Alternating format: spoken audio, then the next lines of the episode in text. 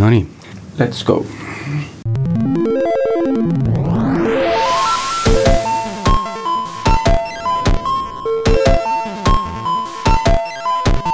tere, kuulad Algorütmis podcasti neljandat episoodi täna on kahekümne kaheksas november. tänast saadet veavad Tiit Paananen Veriffist ja Sergei Ainikin Pipedrive'ist. ja täna heidame pilgu TransferWise'i telgitagustesse ja meiega koos stuudios on Alvar Lumberg TransferWise'ist tere. tere. enne kui alustame, Sergei, kuidas sul on viimasel ajal läinud? no tere, Tiit, tere, kallid kuulajad. kuna see on aasta lõpp, siis mina pean tegelema järgmise aasta planeerimisega Äh, ja ka eelmise aasta nii-öelda tagasivaatamisega, ehk äh, kõik need äh, tavalised performance review'd ehk iga inimese tehtud teod saavad üle vaadatud ja ka firma üldine siis järgmise aasta planeerimine ja lisaks sellele, mis mind hetkel köidab, on uus Ben Horovitsi raamat, mis räägib kuidas äh, firma kultuurid tekivad, äh, kuidas äh, see mõjutab firma käekäiku. ja lugedes seda, ma olen päris palju hetke näinud, kus väga sarn-, sarnaseid episoode oma nii-öelda eelmisest elust kogenud. väga tore, Alvar, kuidas sinul on viimasel ajal läinud? Minul läheb äh, viimasel ajal väga põnevalt, sest et ma Transferwise'is siin nüüd circa kaks aastat ehitasin, ehitasin meie platvormi tiimi, aga nüüd mul on natuke sellised uued, uued listud nii-öelda, et äh, tegelen äh, ühelt poolt meie masinõppe ja andmetöötluse noh, siis võimekuse nagu väljaarendamise ja sinna ümber tiimi ehitamisega, aga teine, mis on veel põnevam, siis kasvava ettevõttena, eks me alati tahaks kuidagi niimoodi, et nagu tuleksid mahud, mahud kasvaksid, aga et samas nagu kontor ei peaks kasvama, et siis üks hästi põnev ülesanne ülesanne, mis meil ärina ees on, on ähm, meie klienditoe eskaleerimine ja siis selle tehnilise poolega mul on ka meeldiv võimalus rinda pista ja vaadata mm., mis me seal tehnoloogiaga ära saame teha. räägi, Alvar, natukene, kust sa tuled ja mida sa varem oled teinud enne TransferWise'i? mina noh, kunagi, kunagi kruvisin natuke arvuteid kokku ja tegin sihukest nipet-näpet titipoisi tööd, aga et siis ütleme kuskil äh, kaks tuhat üks vist ma võin lugeda enda sellise tarkvaraarendaja karjääri alguseks, et äh, Sergeigagi töötasime koos mõned aastad äh, tollases siis Hansapangas ja, ja hiljem Swedbankis ja seal ma olin kokku äh, kaheksa aastat ka tegutsesin erinevates, äh, erinevates valdkondades, et netipanka ja CRM-i ja, ja, ja laenu ja, ja liisingu äh, äri siis katsusin ehitada nii hästi, kui ma seda siis ehitada oskasin. Aga kunagi sai, sai sellest villand ja siis me mõnede kambajõmmidega tegime sellise noh, ütleme siis sihukese tarkvaraarendusettevõtte nagu, nagu Codeborn, millest, millest omakorda on nagu väga head mälestused, et kui nagu Swedbankist tuli selline üldine sihukene, selline tunne, et äkki oskad midagi juba ehitada ja oled nagu natukene mingeid mahtusid ka näinud, et siis Codebornist nagu süvenes veendumus, et, et maailmas on kohta sellisel tõeliselt heal ja kvaliteetsel tarkvaraarendusel. aga samal ajal tundsin ikkagi puudust sellest, et tahaks nagu võib-olla rohkem noh, rohkem kui ehitada klientide, klientide jaoks toodet, et tahaks ehitada nagu noh, mingit sihukest asja, millest mida ta kuidagi tunneks nagu natukenegi enda omana ja siis sealt siis võib-olla tuli see tooteettevõttesse liikumise mõte. kaua sa oled nüüd äh, Transferwise'is olnud? kuus ja pool aastat hmm., nii et tegelikult äh, noh, mõni ütleks, et liigagi pikk aeg, et, et samas on olnud nagu see ettevõte on nii kiiresti kasvanud ja nii palju, et, et kindlasti on noh, ma julgen vabalt öelda, et see on peaaegu nagu neli-viis erinevat ettevõtet, kus on tulnud töötada, et, et. iga, iga aasta on. noogutavad kaasa, et noh, nad on seda ka ise näinud, on ju, eks ole, hästi. täpselt iga aasta uus firma. iga aasta on uus firma, jah, mina olen tähele pannud, äh, vähemalt minu puhul on äh, niimoodi, et, äh, et igas ettevõttes umbes seitsme ja kaheksa aasta vahel tekib see hetk, et võib-olla võiks edasi liikuda aga räägi siis, eh, milline see esimene TransferWise oli, millega sa liitusid? esimene TransferWise oli, eh, mina olin arendaja number kaheksa vist, kui ma ei eksi, et äh, ma olin Tallinnas, Tallinnas teine, aga see oli nii huvitav lugu, et see esimene, esimene arendaja, kes tööle oli võetud, tema läks kohe kolmeks-neljaks nädalaks Tšiilisse puhkama või kuskile, kuskile kaugele ära, et ta tegelikult tööle polnud veel hakanudki, et, et ma selles mõttes nagu noh, peaaegu et olin esimene. aga meil oli äh, Ukrainas tollal ja noh, on tänaseni on väike arenduskontor, et siis need esimesed äh, kuus või seitse poissi olid seal. ja, ja tol hetkel oli see hästi selline ikkagi väga-väga tootekeskne tootekeskne keskkond ja õhkkond, ega me ise ka väga täpselt ei teadnud, kas, teadnud, kas see TransferWise'i värk nagu läheb lendu, noh, mingi sihuke aimdus juba oli. aga kindlasti äh, oluliselt rohkem kui, kui sellisel craftsmanship'il oli fookus ikkagi sellel, et noh, et, et teeme nüüd selle feature'i ja selle valuuta juurde ja noh, vaatame, et kust me siis nüüd nagu äkki saaks mingi, mingi take-off'i nagu ärina, eks ju. kui mitu tehingut teil käis läbi, ma ei tea, äh, päevas või kuus? nii täpselt ei, isegi ei mäleta, ma arvan, et see suurusjärk, ütleme kusagil seal noh, ma arvan, et nädalas oli seal võib-olla tol hetkel äkki noh, ma arvan, mingi tuhande ringis või nii edasi, et ikkagi seal oli väga palju veel ka sellise operatsioonilise poole pealt käsitööd ja. mul on meeles üks, see on sihuke lahe, lahe anekdoot, mida mulle meeldib rääkida nii-öelda juurde, aga et see on olnud selline hea, hea selline. MVP nii-öelda või sihukese nagu väikseima mõtteka toote näide, et noh, et, et kui me Ungarisse läksime kunagi, siis ähm, see oligi mingi kaks tuhat kolmteist aeg, et äh, seal äh, noh, liidestus kohaliku selle partneriga oli noh, üsna selline sihukene, ütleme siis Exceli põhine, et noh, et, et, et pidi seal mingeid faile download ima ja nii edasi ja noh, see tundus algul nagu täitsa, isegi kõigepealt vist ei olnud isegi nagu seda, et noh, mõtlesime, teeme selle huvi nagu lahti ja siis vaatame, et noh, meil seal. Operations'i äh, inimesed ütlesid, et noh, hea küll, et see mingisugune paarkümmend makset päevas, et noh, teeme nagu käsitsi ära ja et kõik on nagu okei okay.. ja siis see läks nagu jube hästi lendu, et meil vist oligi niiviisi, et esimese nädala lõpuks ühesõnaga olime juba nagu kolmsada, kolmsada kolmsada transfer'it täis, et siis tuli nagu ruttu automatiseerida. ja noh, ja siis, siis oligi nagu, siis sealt edasi olid juba järgmised põnevad lood nagu, et seal mingid failiformaadid ja kuidas siis äh,. paari nädala pärast, kui kuupäeva formaat nagu iga päev natukene muutus, siis selgus, et kusagil on seal panga poole peal keegi tädi liides, kes neid CSV-sid umbes käsitsi teeb meie jaoks, et seal oli sihuke mitu levelit automatiseerimist, toredad lood. ja ma arvan, et igas ettevõttes on sellised äh, poolautomatiseeritud protsessid, kus äh, inimese käs, käsi nii-öelda ikka sees. linnalegend räägibki Transferwise'i kohta, et päris pikalt oli nagu Excel põhitööriist, et äh, kas see oli nii või või, äh, või olid mingid äh, muud toredad, kõigile tuntud tööriistad kasutusel, et seda fake it till you make it faasi läbi käia? noh, sellele küsimusele saab vastata nagu ilmselt mitmel tasemel, et noh, et, et kui noh, võib-olla nagu kõige üldisemal tasemel see see, see, see küsimus nagu ongi, eks ole, et noh, et, et millal sa, millal sa nagu millise lõigu automatiseerimisse ja efektiivsusse rohkem hakkad panustama, et ja, ja, ja noh, kindlasti on kohti, kus TransferWise on on noh, mingi sihukese ideaalse aja nagu maha maganud, noh, võib-olla see kliendi tugi ongi nagu näide, et me oleme alati tahtnud pakkuda nagu väga head kasutaja tuge ja noh, see. see, see maksab ja seda on raske skaleerida, aga me ei ole tahtnud selles nagu kunagi järele anda ja ei taha endiselt, nüüd me tunneme, et me oleme piisavalt võimekad äkki, et me suudame seal nagu mingeid lõike automatiseerida, ilma et see kogemus paraneks näiteks, on ju. aga, aga kui vaadata sinna noh, tõesti sellise päev-päevalt nagu opereerimise poole peale, et ja nendesse, nendesse Excelitesse, eks ju, et. et ähm, väga palju, eriti varasematel aastatel sõltus ka sellest, äh, mis meie partnerite võimekus nagu oli õigupoolest, eks ole, et me nagu kunagi, meil ei jäänud nagu ilmselt ühtegi turgu avamata, vähemalt esimestel aastatel, sellepärast et me ei leidnud nagu partnerit, kellega meile insener-tehnilises mõttes oleks nagu nüüd noh, meeldinud integreerida, eks ole, et noh, seesama Ungari näide, eks ole, et noh, me nagu nägime, et on opportunity nagu see, see ruut lahti teha ja siis, siis me nagu tegime seda ja siis pärastpoole noh, mis seal salata, seal on ikka igasuguseid väga põnevaid mingisuguseid HTML-i skriptimise põhiseid lahendusi olnud nagu eri aegadel, et nii et see partner nagu dikteeris selle tehnoloogia mingis võtmes, mis nagu vähemalt ühe po-, ühel no, poole liideses sisend, eks ole, teine sisend on nagu see, et noh, et millises järjekorras sa neid lahinguid nagu ette võtad, et üks, üks noh, sa, eks ole, sul on alati valida nagu kahe lahingu vahel, et kas sa tood nagu ühe järgmise selle Exceli põhise partneri juurde, eks ole, või siis sa investeerid sellesse, et neid varasemaid võimalikult agressiivselt nagu, nagu, nagu klattida ja parandada, eks ju, ja noh, me võib-olla oleme ma arvan, optimeerinud nagu pigem sellesse, et meie coverage paraneks ja nii edasi, et, et see kõhualune on noh, see, ses osas nagu võib-olla seda Exceli paralleeli otse ei oska tuua, aga, aga, aga kindlasti noh, kuidas öelda, mõni teine tiim või ettevõte oleks nagu varem panustanud rohkem sellesse just, et seda nagu kõhualust teha ilusaks.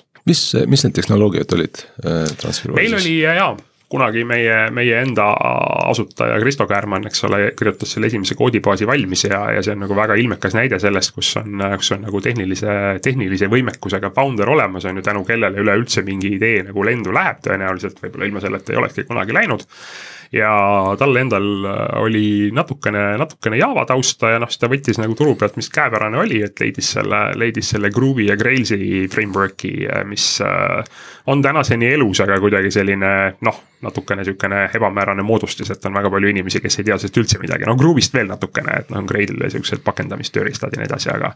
aga, aga, aga Grailsist eriti mitte. ja see Grailsi koodibaas kui selline on meil tänaseni majas alles. Ta küll ammu enam ei kasva ja nüüd viimased paar aastat ikka pigem kahaneb.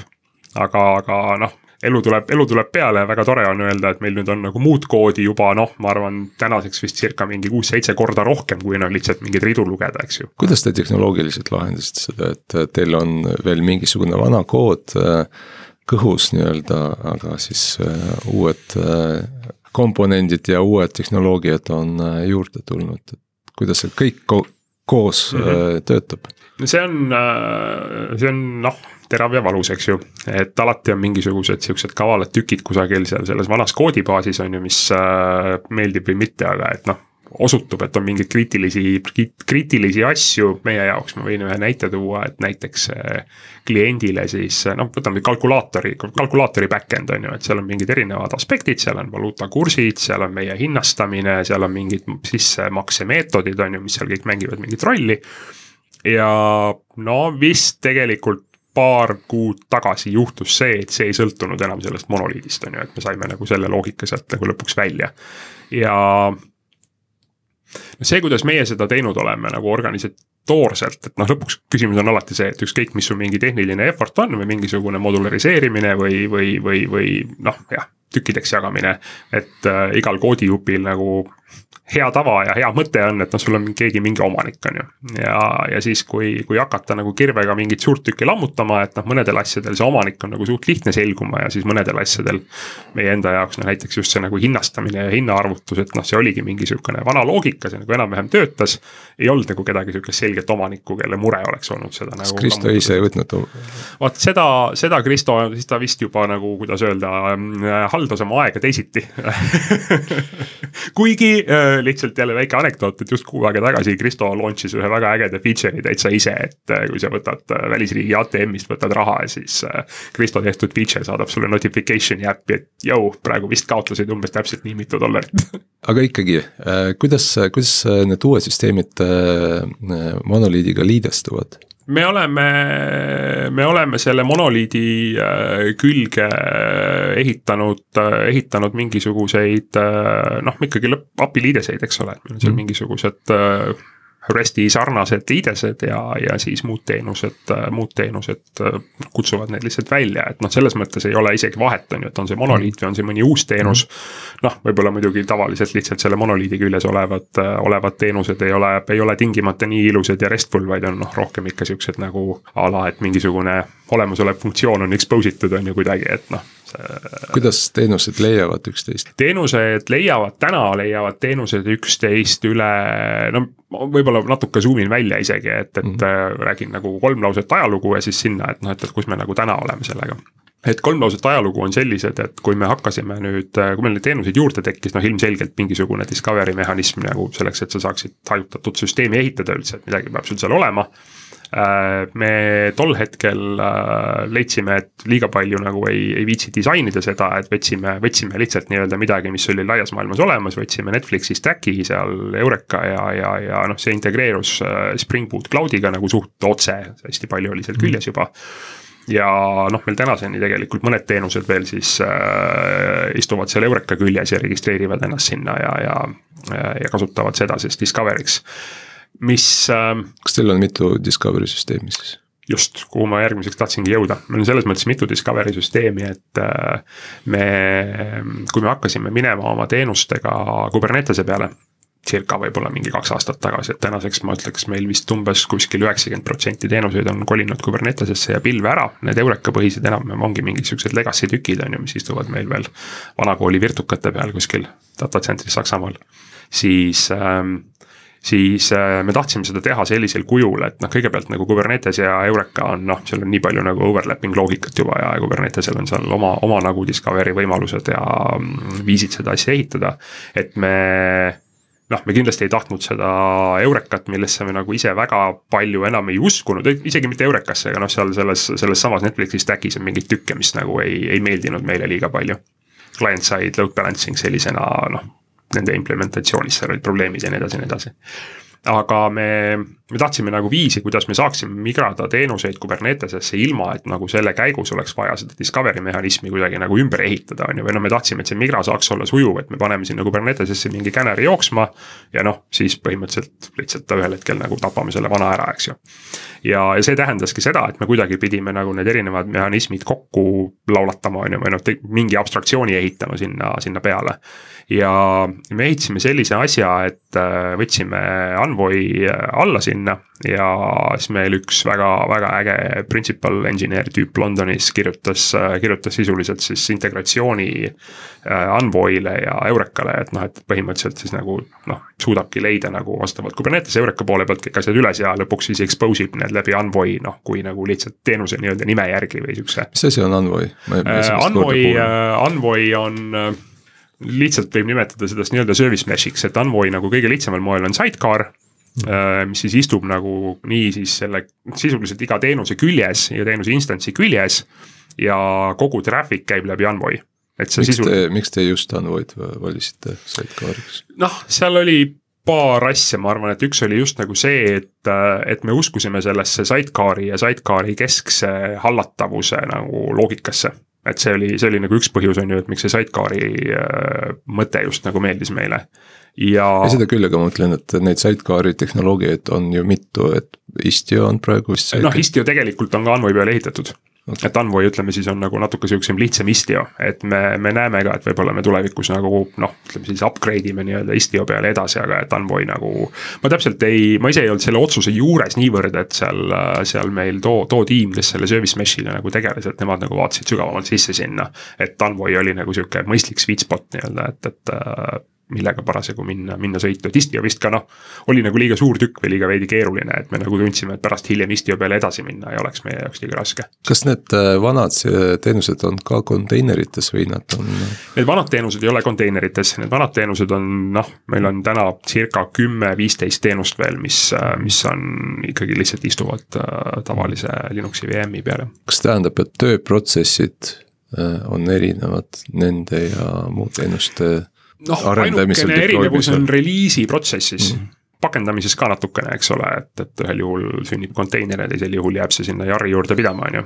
et reliisi protsess on põhiline, mis on nagu erinev, et äh, kui noh, Kubernetese puhul põhimõtteliselt on sul seal kaks varianti, et kas nagu reliisida siis äh, lihtsalt selline canary ja vaadata, kas midagi lendab, lendab õhku. või siis, või siis teha nagu tervele sellele klastrile ähm, siis ütleme, on ju, et klaster ei ole õige sõna siin, aga no ütleme, teha kõigile instance'idele nagu roll-out on ju, et siis juhtub nagu gradual'i ja. siis, siis selle vana loogika järgi tegelikult täna arendaja ise nagu teeb seda reliisi noh, nii-öelda ükshaaval on ju, et meil tavaliselt neid teenuste instance'e ei ole ka palju, et noh, meil suurtel web äppidel noh, see oli vist maksimum oli kaheksa, et noh, siis ka ei pidanud mitte kaheksa korda nuppu vajutama, vaid seal oli mingi natukene samm-sammult loogika. Aga tavaliselt on noh, ütleme kaks või võib-olla neli on ju, et noh, et, et siis on tüütu, aga mitte liiga keeruline, et tavaliselt see shutdown, warm-up, noh, see võtab, ütleme mõni minut nagu selle instance'i kohta.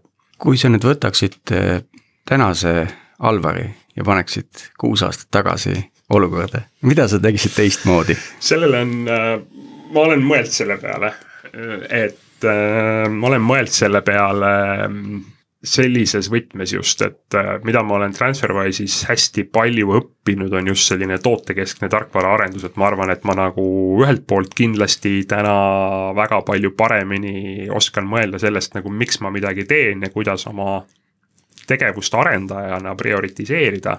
Aga siis sellel on teine pool ka, eks ole, et noh, et, et sa õpid midagi, midagi uut, on ju, mingeid uusi asju, mis on olulised aga siis samas nagu äh, lõpuks asi, mida ma olen nagu kõige selgemini õppinud, on see, et, et äh, et ma ühelt poolt arvan, et see, see tootekeskne mõtlemine on väga õige ja väga äge, eks ju, aga lõpuks on nagu insenerid, arendajad need, kes toovad selle kompetentsi majja.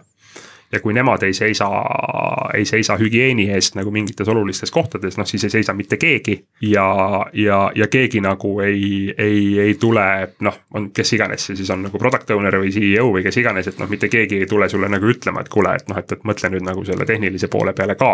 et noh, selleks sa siin ju oledki, eks ju, et, et see ongi see kompetents ja see ongi see hügieen, mida me nagu sinult kui insenerilt eeldame.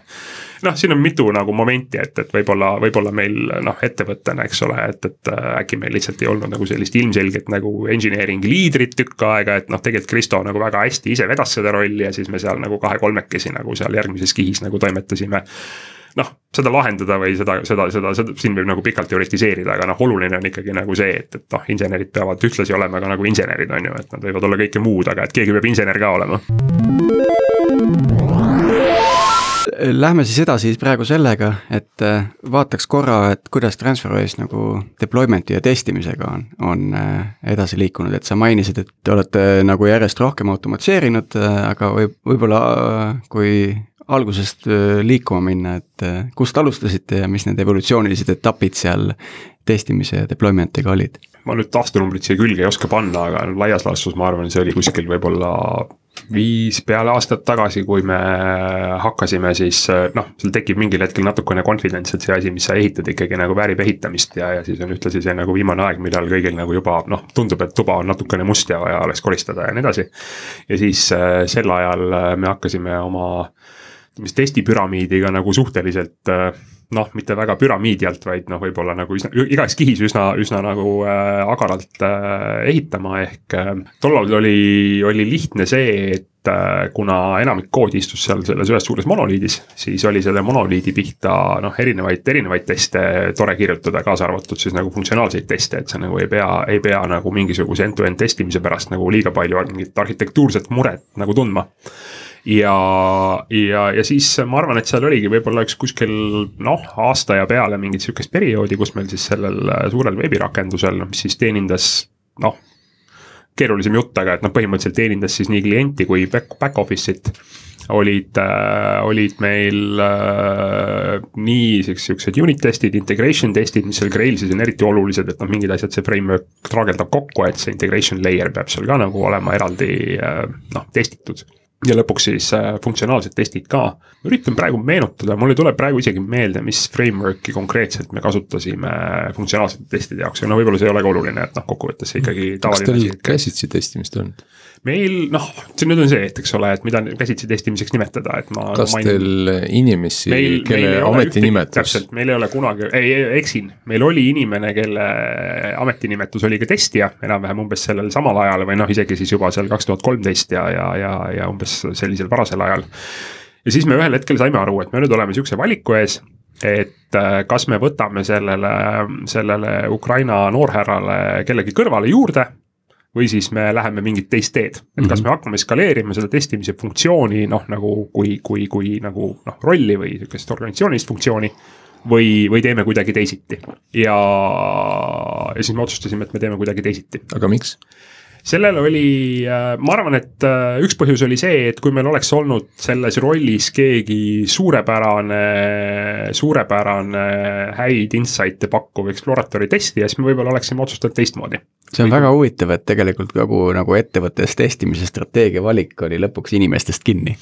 noh, ma, ma, ma usun, et see oli kindlasti üks aspekt, on ju, et ma, ma noh, ma ei tahaks päris öelda, et sellest mm -hmm. nagu kõik ära sõltus, eks ju, et, et aga, aga ma arvan, et see oli nagu üks, üks sisend, et me mõtleks sellest teistmoodi, kui meil oleks teistsugused sample'id võtta, eks ju. ja noh, mina tulin, mina tulin ise pigem nagu sellisest suht hardcore nagu automatiseeritud testimise background'ist, mis siis omakorda aitas seda otsust teha ja, ja nõnda, nõnda oligi ja selles mm -hmm. mõttes äh, noh, lihtsalt, et see inimene oli meil, oli meil tööl, siis tal ühel hetkel tekkis, ma ei tea, kas endal motivatsiooniprobleem või noh, kuidagi nagu nii, et, et siis mingist hetkest ei olnud meil ka seda, seda, seda ühte poissi enam mm -hmm. Ukrainas. kas jõudis kätte mingi selline hetk, kus arendajad nagu täiesti lootsid nende automaattestide peale ja, ja sai, sai nagu deployment'iga automaatselt edasi minna, kui testid ja. on läbitud? jah, ja me ma ütleks, et me teeme ka täna nii põhimõtteliselt kui me vaatame teistpidi, siis, äh, siis äh, noh, nagu alati, eks ole, või nagu tihti vähemalt, kindlasti võiks kvaliteet parem olla ja nii edasi ja nii edasi, on ju. mingeid siuksed, siukseid, siukseid sloganeid võib nagu loopida, eks ju. teisalt äh, noh, ühesõnaga ma ütleme nii, et põhimõtteliselt meie see automatiseeritud testimise loogika noh, on ajas muutunud nii palju, et sedamööda, kuidas arhitektuur läks keerulisemaks, komponente tuli juurde siis äh, meil on nagu alati siiamaani käib, käib nagu selline arutelu või mõttevahetus tihtilugu, et noh, et tuleb keegi ja küsib ühesõnaga, et kuulge, et noh, ma ikka siin ehitan seda feature'it on ju, et miks ma nagu ei saa kuskil teha nagu end-to-end teste, eks ju. ja siis äh, ilmselt võiks sellest teha omaette podcast'i, eks ju, aga noh, et põhimõtteliselt seal tekib järgmiseks nagu see moment, et okei okay,, et sa tahad end-to-end testida, mille vastu, sa tahad end-to-end testida oma muudatust äh, hetke laivi seisu vastu. ja kui sa tahad testida oma muudatust hetke laivi seisu vastu, siis sa sisuliselt lood sellise bottleneck'i on ju, kus sul on alati nagu üks muudatus paralleelselt üleval, sest et see on see viis, kuidas sa tagad, on ju, et see on see reaalne laivi seis, on ju. noh, see on natukene nagu, nagu võimendatud võib-olla, et noh, kindlasti seal mingit kavala dependency management'i ja siukse. sa nagu mõtled andmete, andmete mõttes? ma isegi mõtlen, mõtlen ka funktsionaalsuse mõttes, on ju. et noh, selles mõttes, et kui, kui mitu nagu testkeskkonda teil on? täpselt, ehk siis meil tänasel hetkel on äh, N testkeskkonda. Meil on N testkeskkonda, mis tähendab seda, et me alustasime sellega nagu enne, kui me Kubernetese journey'ga alustasime, et meil oli siis äh, AWS-i põhine selline Terraformi ja Ansible'iga kokku liimitud sihuke päris äge. päris äge dünaamilise keskkonna spinnimise äh, platvorm millega sa siis põhimõtteliselt saidki nagu noh, tõmbad endale mini TransferWise'i üles äh,. andmete osas me ei ole täna veel väga heas seisus sihukeste fixture ite ja sellise, selle, selles küsimuses, aga noh, muus osas nagu sa said selle üles tõmmata mingite arbitrary versioonidega. ja noh, täna siis see nüüd Kubernetese peal käib veel, ma ütleks nagu kümme korda kiiremini ja efektiivsemalt. et see tegelikult on, on nagu päris äge. ja see on ka see, kuidas siis tiimid teevad, ütleme noh, enda sees või siis ütleme seal keegi product manager või kliendi toes või no kes iganes siis mingi, mingil määral nagu osaleb sellises nagu käsitsi või inimliku feedback'i loop'is on ju, et siis nemad kasutavad neid keskkondi. kas, kas selle keskkonna tekitamine on nagu self-service või? selle keskkonna tekitamine täna on self-service, meil on äh, Slacki bot, millele sa ütled, et do this ja siis äh, noh, see circa vist võtab kuskil mingisugune umbes viisteist minutit praegu, et noh, seal kokku päris palju ikkagi käib behind the scenes, aga tõmmatakse Kubernetese klastris, vist omaette namespace'is tõmmatakse püsti need teenused ja baasid ja värgid ja noh, sul on ikkagi isoleeritud keskkond mingite kindlate versioonidega. kui mitu komponenti teil äh, on? Nendes keskkondades ei ole kõiki, on ju, nendes keskkondades on, ma arvan, circa vist mingisugune paar tosinat komponenti, mis siis noh, ütleme nii, by default sa saad neid sinna juurde panna, eks ole, aga by default mingid kriitilised flow'd on ju, mida me katame. kokku täna teenuseid meil on vist suurusjärgus kuskil, ma arvan, kuskil sada viiskümmend, sada kuuskümmend äkki. kui kiiresti see kasvab? See isegi on viimasel ajal kasvanud nagu üllatavalt lineaarselt, et ma arvan, et seal oli moment on ju, kus me tegelesime agaramalt just sellise modulariseerimisega ja mingil hetkel, kus me saime oma, just nagu oma selle platvormi, ütleme, me saime selle teenuse life cycle'i nagu palju kiiremaks ja automatiseeritumaks, et siis see kindlasti nagu võimendas ka mingite sihukeste väiksemate teenuste spin-up'i ja noh, samas ütleme seda nagu sihukest arhitektuurilist võlga oli rohkem, et siis need üks vahe tekkis võib-olla kiiremini. praegu ma isegi ütleks, et see on nagu selline suht lineaarne, et noh, et, et, et ma arvan, et see noh, ma usun, et me olime kusagil saja peal umbes aasta tagasi, on ju. et äh, mul ei ole täpselt sihukest graafikut silma ees, aga noh. ma küsisin, sest ma äh, just eile tegin täpselt samasuguse arvutuse Pipedrive'is selleks, et järgmise aasta nii-öelda eelarvet planeerida, et sest äh, huvitav fenomen on see, et, et et sul mingi hulk protsent inimesi tegelikult tegeleb kogu aeg äh, haldusega. olemasolevate süsteemide haldusega ja siis ülejäänud inimesed äh, toovad neid komponente või loogikat juurde. ja järjest suurem protsent inimesi peab haldusega tegelema tänu sellele, et äh, ülejäänud nii-öelda toodavad asju juurde ja selleks, et aru saada, meie kiirus, millega me toome, tekitame asju juurde. Äh, et, ja võrrelda aasta algust ja aasta lõppu ja kui palju siis meil on vaja inimesi juurde. et äh, jätkuvalt äh, sama tempoga asju juurde teha et siis selleks ülesandeks ma tegin siis statistikat ajaloos, kui kiiresti me asju teeme juurde ja siis selgus, et umbes kolm protsenti kuus mm. -hmm. ehk umbes üle neljakümne protsenti äh, aastas äh, meil tekib komponente juurde, mis mhm. võib-olla on natuke liiga kiire võrreldes äh, teiega. me puudutasime seda punkti, kus testide hulk ja coverage tagab selle, et arendajad nagu usaldavad seda testi süüti nii-öelda, mis integratsioonitestidel, testkeskkonnas on ja live deployment'id läbi tehakse.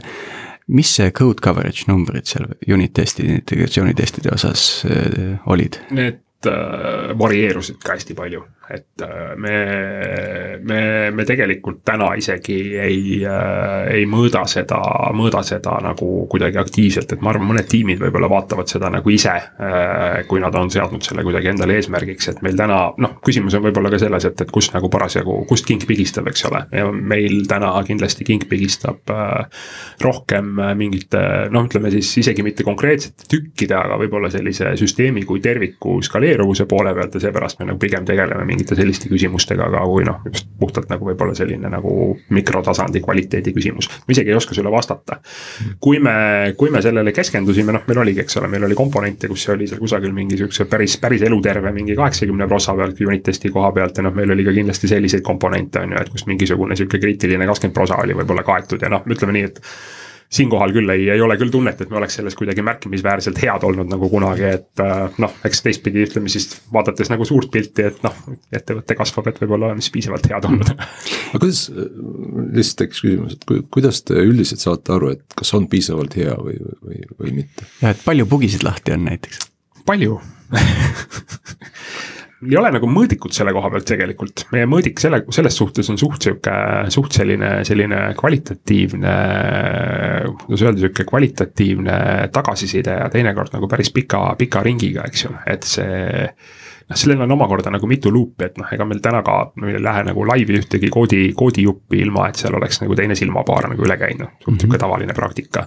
loomulikult nagu seda code review'd tehes, noh, sa mingisuguseid funktsionaalseid nagu vigu sealt tihtilugu ei avasta, eks ole. et, et või noh, vähemalt see ei ole mingi eeldus äh,. aga samal ajal noh, sealt tuleb nagu mingi, mingi layer nagu seda quality control'i.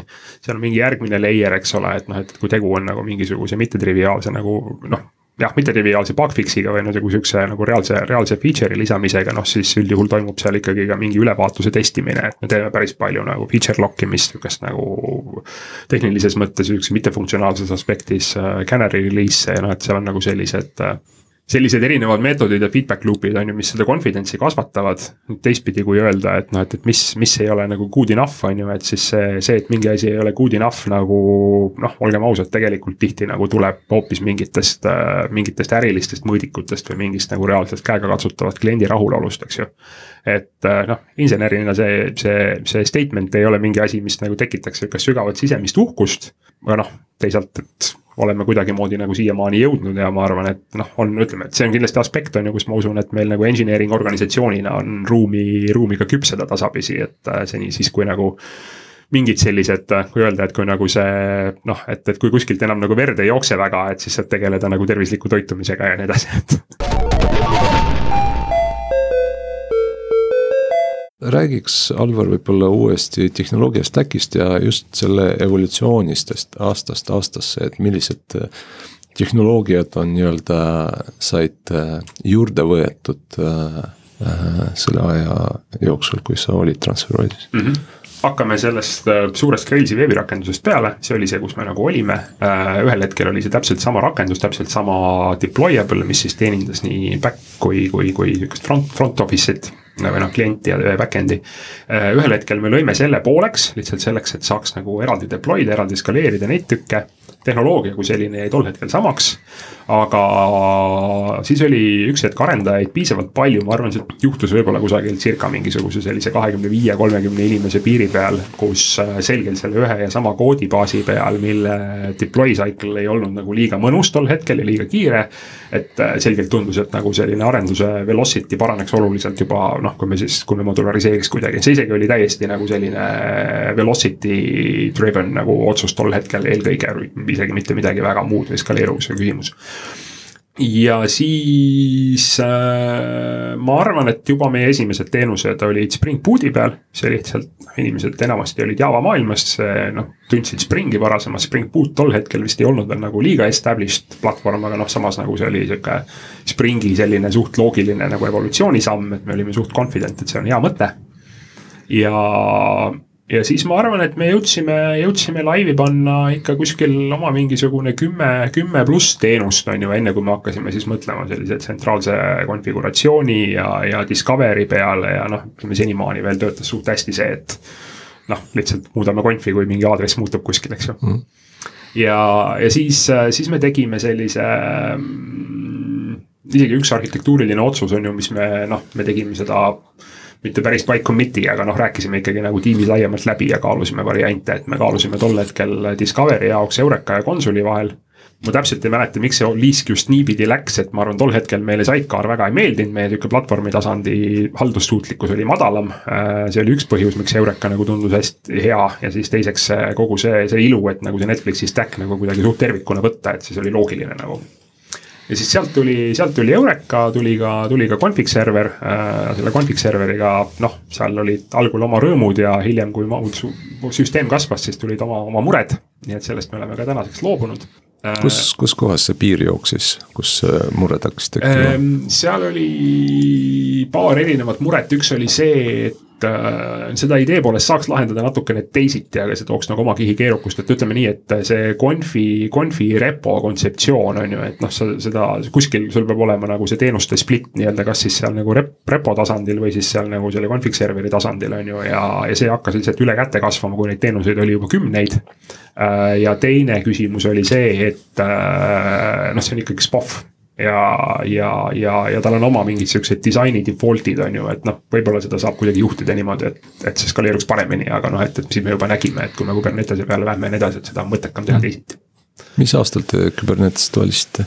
me Kubernetese põhimõtteliselt valisime umbes kaks aastat tagasi. et mm. siis me nägime, et, et noh, siis me tegime ka selle, noh, see otsus põhimõtteliselt oli varemgi tehtud, aga siis me hakkasime agaralt liikuma, liikuma AWS-i peale.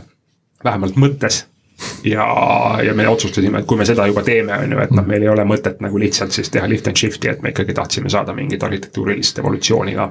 okei okay,, aga kerime nüüd tagasi, Confi äh, serveri probleemid. Confi server, Confi server ja need probleemid on ju ja, ja, ja samas nagu noh, ütleme niimoodi, et kui me vaatame nüüd nagu puhtalt seda teenuse stack'i, siis tegelikult seal ei olegi tehnoloogiliselt nagu väga palju muud muutunud, eks ole, kui siis, et Discovery asemele ja Confi, Confi haldamise asemele nüüd Kuberneteses on tulnud nagu võib-olla rohkem siuksed, ütleme rohkem native võib-olla nagu mehhanismid.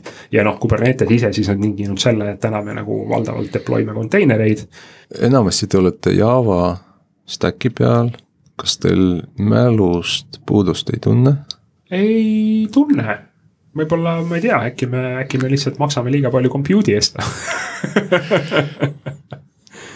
ei, ei selles mõttes ei tunne, et vähemalt, vähemalt me ei ole sellest kunagi niimoodi mõelnud jah, et.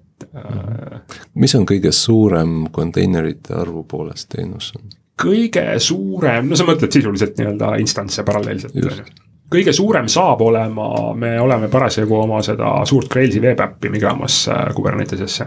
et see saab olema mm -hmm. kõige suurem äh,, ilmselt on seal noh, juba täna on seal mingi kümme instantsi ja me tegelikult täna Kuberneteses jooksutame sihukest hästi nagu safe mudelit, on ju, et meil on üle, üle availability zone'id ja need on kõik küll, küll samas AWS-i regioonis, aga üle availability zone'ide on meil siis kaks äh, Kubernetese klastrit laiali määritud, et sisuliselt meil juba by design täna igast teenusest jookseb kuus instantsi. mis ei ole nagu väga optimaalne ressursikasutus ja me näeme, et me võib-olla katsume seda tweak ida tulevikus, aga noh, me võtsime sihukese nagu safe default'i. kus, millised Amazoni äh, need äh, compute'id teil selle klastri all on? mul ei tule isegi, aa, sa mõtled nüüd neid worker node'e yeah.?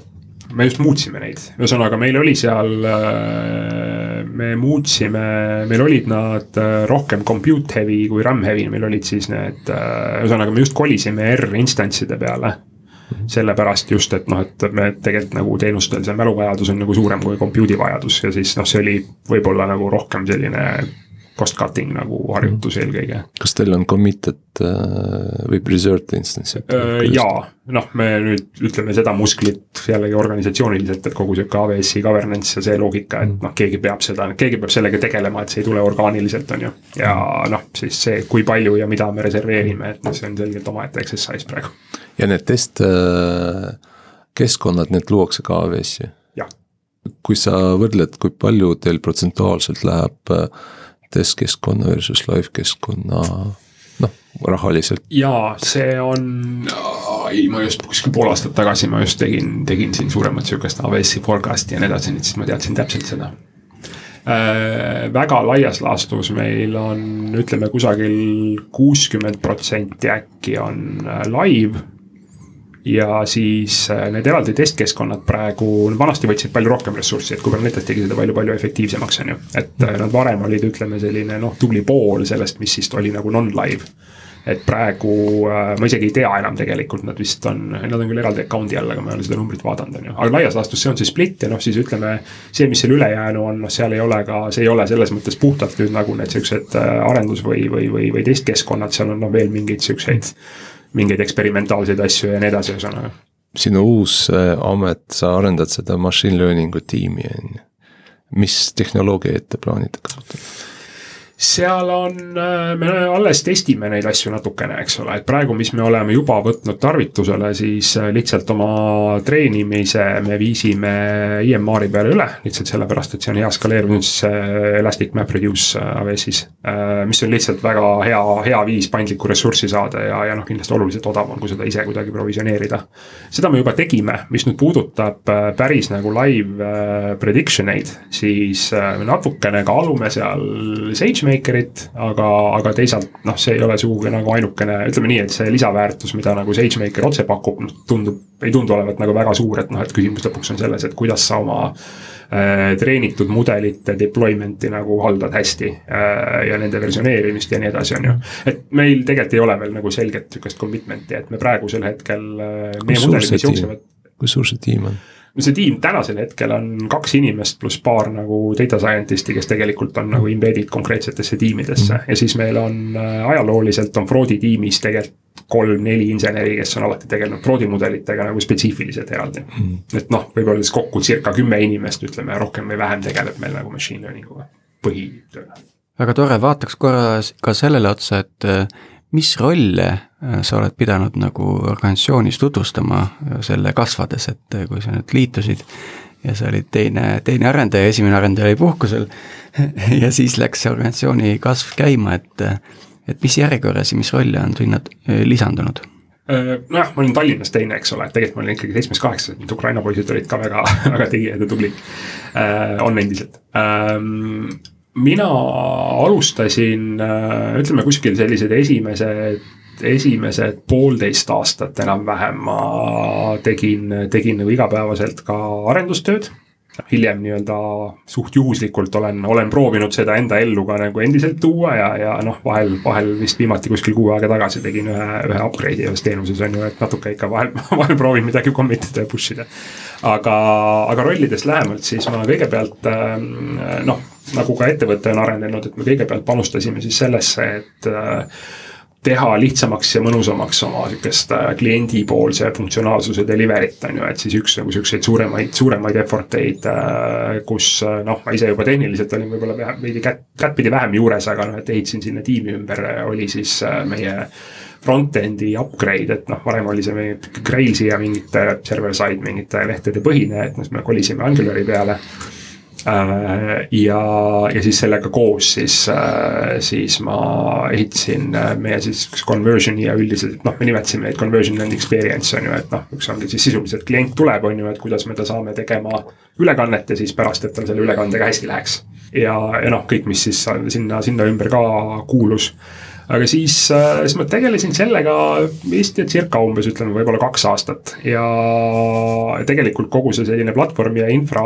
pool, ma isegi ei tea, miks, aga see kuidagi triivis, triivis minu juurde ka nagu, et noh, umbes keegi pidi tegelema ja ma vist nagu tundsin piisavalt, piisavalt mugavalt ennast nagu nendes küsimustes. Aga see oli tükk aega nagu pigem taustal, et, et siis äh,, siis meil oli vaja järgmiseks äh, meie verification'i ja, ja AML-i äh, tiimi äh, toetada ja ehitada, et, et, et see oli siis nagu võib-olla esimene selline skaleerumisvalu on ju, kus me pidime oma verification protsesse, selliseid siis nagu kliendi tundmise protsesse automatiseerima, integreerima erinevaid. te tegi, tegite oma platvormi? ei teinud, no selles mõttes meil oma platvorm jah, iseenesest nii sihuke back office, noh jah, selles mõttes platvorm ja vundament on enda oma, et me nagu konkreetseteks tegevusteks on ju kasutame partnereid siis, et kas siis on konkreetsete registrite kontrollid kuskil globaalselt või.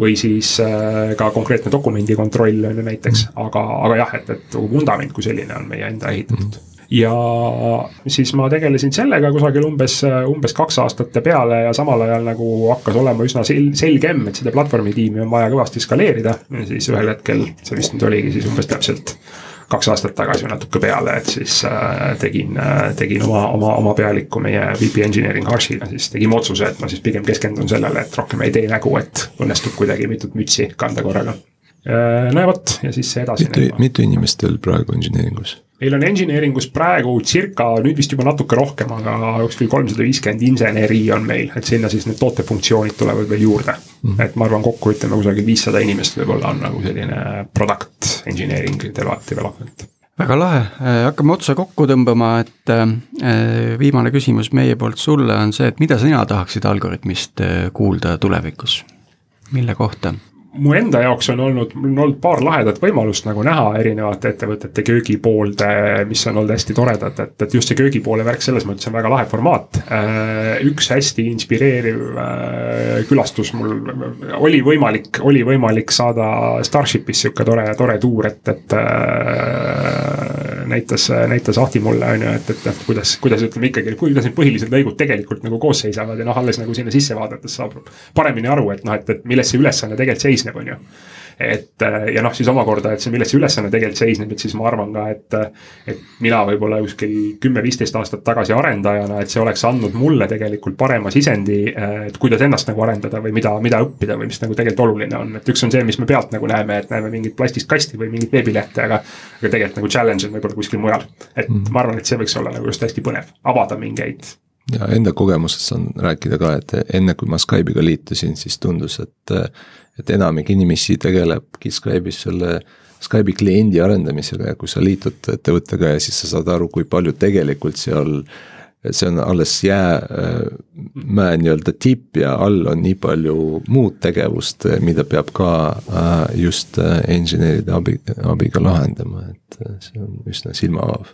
väga tore, aitäh, Alvar, et tulid, meil on väga hea meel, kindlasti saime nii meie kui kuulajad hea sissevaate Transferwise'i ajalukku ja kujunemisse, kohtume järgmine kord